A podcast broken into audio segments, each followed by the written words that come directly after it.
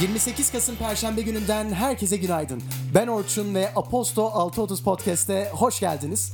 Bugün eğer bu podcast bölümünü dinlemeden önce mail kutunuzda Aposto'nun sizler için yolladığı gündem mailine baktıysanız mailin girişinde bu sefer intro kısmında farklı bir isimle karşılaşacaksınız. Normalde Aposto ekibi olarak introlarımız Orhun tarafından yazılıyordu. Ama bugün farklı bir ekip arkadaşım Ecenil introda fikirleriyle sizlerle birlikte. Ecenil'in değişik önerileri, bilgi paylaşımları ve ilginç aktarımları introda mevcut. Göz atmayı unutmayın. Ecenil introyu ben çok beğendim. Ellerine sağlık.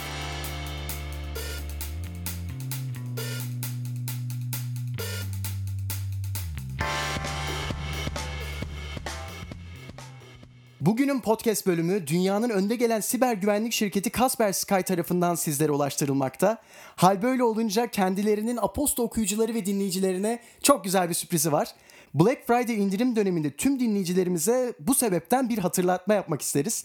Son araştırmalar özellikle böyle dönemlerde yoğunlaşan kimlik avı saldırılarının 2019'un ilk 3 çeyreğinde Türkiye'de %40 arttığını göstermekte.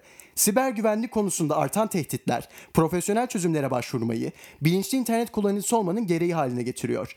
Bugünkü bültenimizin ve podcastimizin sponsoru ve çok sayıda ödülün sahibi dünyanın önde gelen siber güvenlik şirketi Kaspersky'ın Aposto okurlarına ve dinleyenlerine özel %50 indirimine dair ayrıntılar bugünün bülteninde.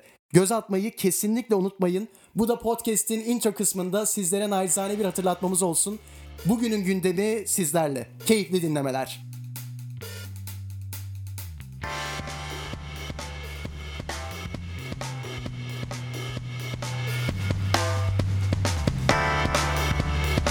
Piyasalar, ekonomi.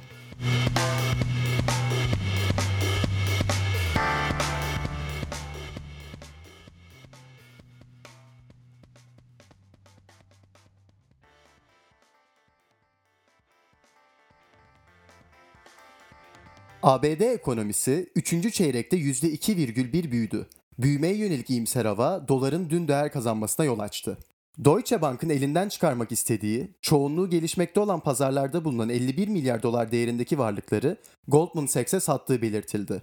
Goldman Sachs ise salı günü yayınladığı raporda gelişmekte olan pazarlardaki varlıkların 2020 yılında pozitif ancak ılımlı bir getirisi olacağını belirtiyor. Unicredit tarafındaki yeni haber akışına göre banka, ilk etapta yapı kredideki hisselerinin %10'dan daha azına denk gelen bir kısmını satışa çıkaracak. Hisselerin öncelikle Koç Holding'e teklif edileceği, kabul edilmemesi durumunda üçüncü tarafların teklife dahil edileceği belirtiliyor.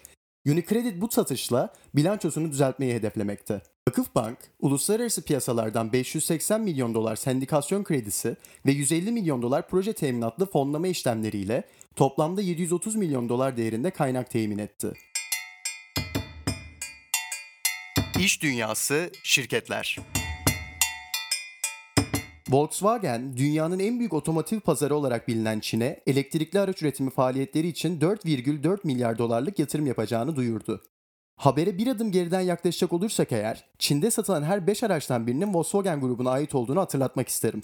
Şirketin 28 yıldır ilk kez geçen yıl daralan ve bu yıla da daralmayla kapatacağı öngörülen Çin pazarında elektrikli otomobil gamını genişleteceği belirtiliyor. Volkswagen grubuna ait Audi 7500 kişiyi işten çıkaracağını açıkladı. Peki ya şirket neden böyle bir açıklama yaptı? Şirket bu hamlesinin arkasında elektrikli araç yatırımını arttırmak olduğunu belirtiyor. Bu yolla 10 yılda 6,6 milyar dolar tasarruf hedeflediğini belirten şirket, uzun vadede dijitalleşme ve elektrikli araç üretimi için 2000 yeni pozisyon yaratacağını öngörüyor. Toys R Us, yenilenmiş tasarımıyla biri Houston, bir de New Jersey'de olmak üzere iki yeni mağaza açarak perakende sektörüne geri dönüyor. Peki ya burada Toys R Us perakende sektörüne geri dönüyor derken ne kastediyoruz? Şirket geçtiğimiz yıl iflasını açıklamış ve dünya çapındaki bütün mağazalarını kapatmak zorunda kalmıştı. 5 fabrikası ve yaklaşık 5000 çalışanı bulunan Sarar, yaşadığı ekonomik sıkıntılar sebebiyle %15 ila 20 arasında küçülmeye gideceğini duyurdu. Teknoloji Startup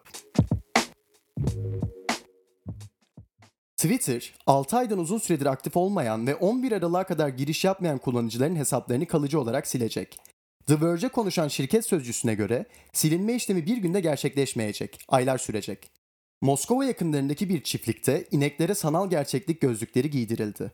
İlk testlerde sürünün genel ruh hallerinde iyileşme gözlendiği belirtildi. Facebook, sanal gerçeklik oyunu Beat Saber'ın da yapımcısı olan Beat Games'i satın alacağını açıkladı.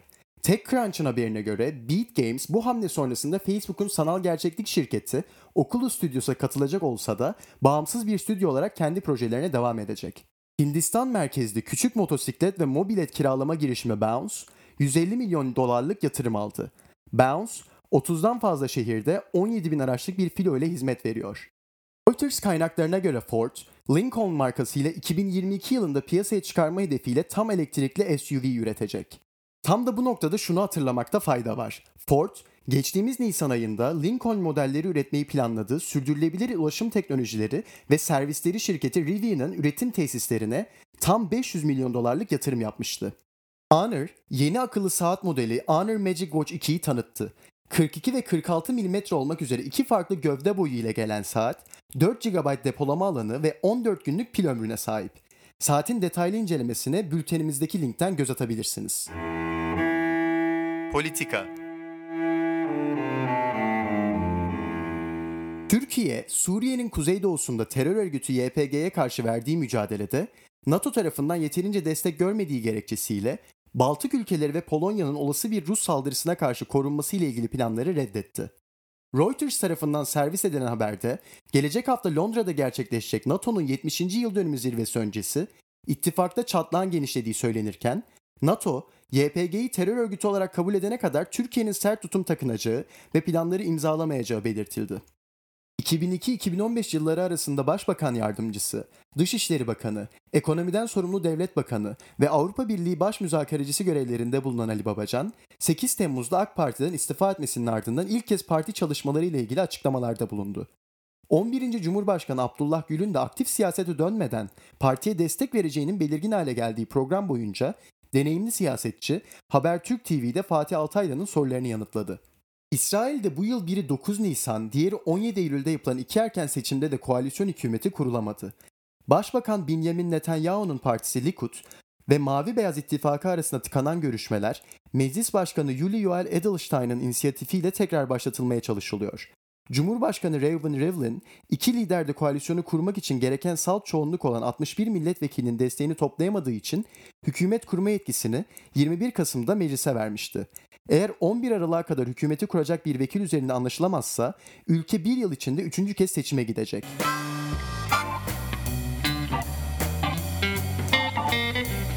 Şehir ve kültür Rusya ve Suriye, IŞİD tarafından tahrip edilen antik Palmira kentinin restorasyonu için mutabakat imzaladı. Spor Türkiye erkek basketbol takımının Tokyo 2020 olimpiyatlarına katılmak için ön eleme oynayacağı rakipleri belli oldu. 23-28 Haziran tarihleri arasında Kanada'da oynanacak elemelerin grup aşamasında 12 dev adam Çekya ve Uruguay'a karşı mücadele edecek. Gençlik ve Spor Bakanlığı yaptığı açıklamayla 30 vakıf üniversitesiyle sporcu bursu konusunda protokol imzalayacaklarını duyurdu. Uluslararası düzeyde önemli başarılar kazanan milli sporcular anlaşmalı üniversitelerde tam burslu olarak eğitim alabilecekler. Aralarında Manchester City'nin de bulunduğu 7 futbol kulübünde hissesi olan City Futbol Grubu 4.8 milyar dolar değerleme ile yatırım aldı. Kaliforniya merkezli özel sermaye şirketi Silver Lake, 500 milyon dolar karşılığında City Futbol Grubu'nun yaklaşık %10'luk hissesini satın aldı. Bu değerleme aynı zamanda tarihin en yüksek spor değerlemesi.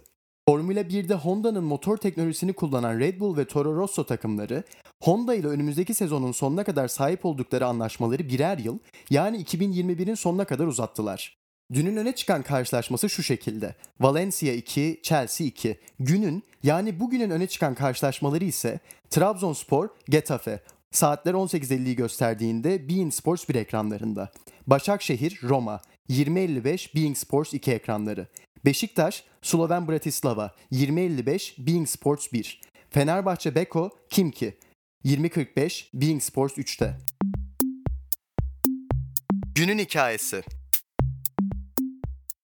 Hükümetler Arası Biyolojik Çeşitlilik ve Ekosistem Hizmetleri Bilim Politika Platformu, Küresel Biyoçeşitlilik ve Ekosistem Servisleri raporu siyasetçiler için hazırlanmış özetini yayımladı. Dünya çapında 516 bilim insanının 15 bin makaleyi derleyerek oluşturduğu rapor, doğanın ve insana katkılarının bozulma sürecinde olduğunu ortaya koyuyor.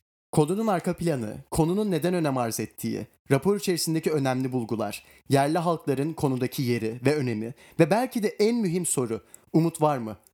Bunlara dair detayları bültenimizdeki günün hikayesi kısmında bulabilirsiniz. Şimdiden keyifli okumalar.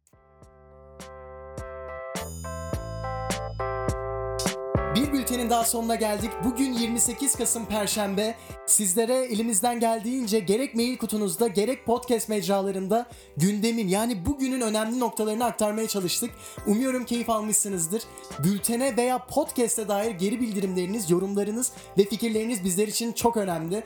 Bizleri o fikirlerden mahrum bırakmayın. Keyifli bir gün yaşayın. Aposto 630 Podcast yarın yani 29 Kasım Cuma günü tekrardan her gün olduğu gibi saatler 6.30'u gösterdiğinde gündemle birlikte sizlerle olacak. Kendinize iyi bakın ve mutlu bir gün geçirmeyi unutmayın. Görüşmek üzere.